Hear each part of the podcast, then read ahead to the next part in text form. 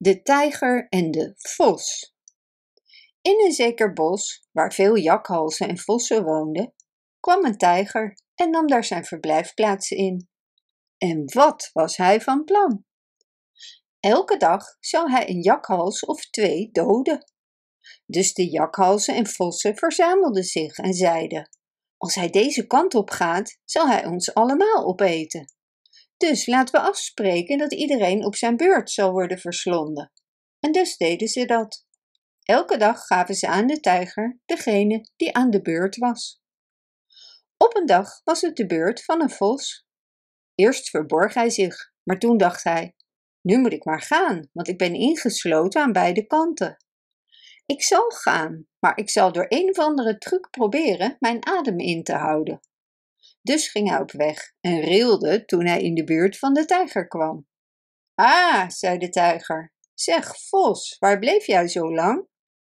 Hier, zei de vos, er is weer een tijger in uw land komen wonen. Waar is die tijger? vroeg de tijger. Kom met me mee, zei de vos, ik zal hem je laten zien. Dus de vos ging voorop en de tijger ging achter hem aan, en ze gingen door tot ze bij een put kwamen.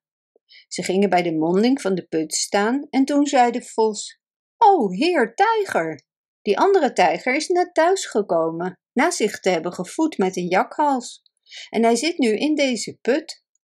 En toen zei de tijger: Wat voor tijger kan hij zijn om naar mijn land te komen? Of ik moet hier alleen blijven, of hij moet alleen blijven, maar we kunnen hier echt niet samen leven.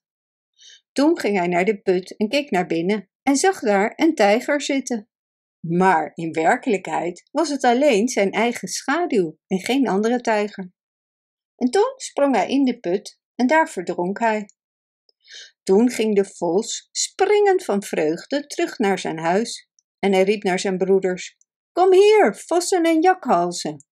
En ze kwamen naar hem toe en waren erg boos en zeiden: Zeg, vos, het was jouw beurt om door de tijger te worden opgegeten. Waarom ben je teruggekomen? Nu zal de tijger woedend zijn en terugkomen om twee of drie jakhalzen en twee of drie vossen te doden. De vos antwoordde: Wees maar niet bang, ik heb die tijger gedood. Maar ze zeiden allemaal: Jij bent een vos en hij is een tijger. Hoe zou jij hem dan kunnen doden? En hij zei: Kom, dan zal ik het jullie laten zien. Ze gingen bang achter de vos aan en bevend van angst kwamen ze bij de monding van de put staan. De vos gaf een kreet en zei: Kom eens kijken hoe ik de tijger heb gedood en in deze put heb geworpen. Ze gluurden naar binnen en zeiden dat het de waarheid was en dat de tijger dood in de put lag. En ze waren hier allemaal buitengewoon verheugd over.